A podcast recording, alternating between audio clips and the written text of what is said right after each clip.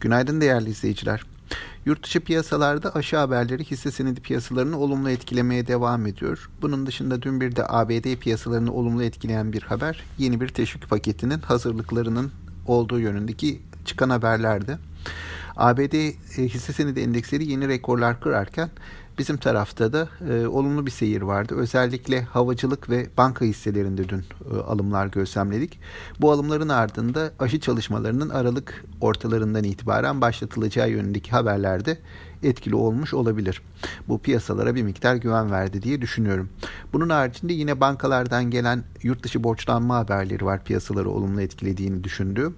Ayrıca gelecek haftalarda bu Avrupa Birliği'nde Türkiye ile ilgili e, biliyorsunuz Doğu Akdeniz'deki doğal gaz aramaları ile ilgili bir toplantı yapılacak. Bu toplantıya ilişkinde şimdilik diyalog kanallarının çalıştırılıyor olduğu yönündeki haberler piyasalara olumlu yansıyor bence.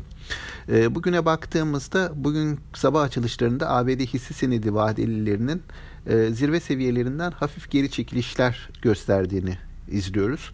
Asya piyasalarında ise alımlar devam ediyor. E, kısmen orada da e, karışık bir seyir var şu dakika itibarıyla. Bir miktar bazı piyasalarda eksiler olduğu da e, görülüyor. E, bize gelince e, bugün ben borsanın yine e, olumlu havayı koruyacağını tahmin ediyorum. E, bu aşı haberleri özellikle banka, turizm, havacılık sektörlerini olumlu etkileyecektir diye tahmin ediyorum. Dolayısıyla yukarı yönlü ivmenin korunabileceği görüşündeyim. Bununla birlikte geçen seferki yükselişte biliyorsunuz 1350 seviyelerinden bir geri çekilme yakla, e, yaşanmıştı.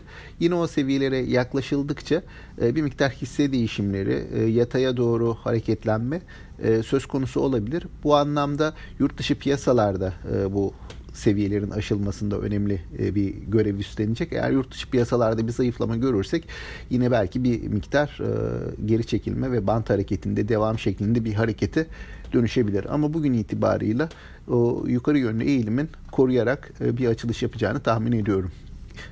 Tüm izleyicilere sağlıklı, bol bereketli, kazançlı günler dilerim. Yeniden görüşmek üzere.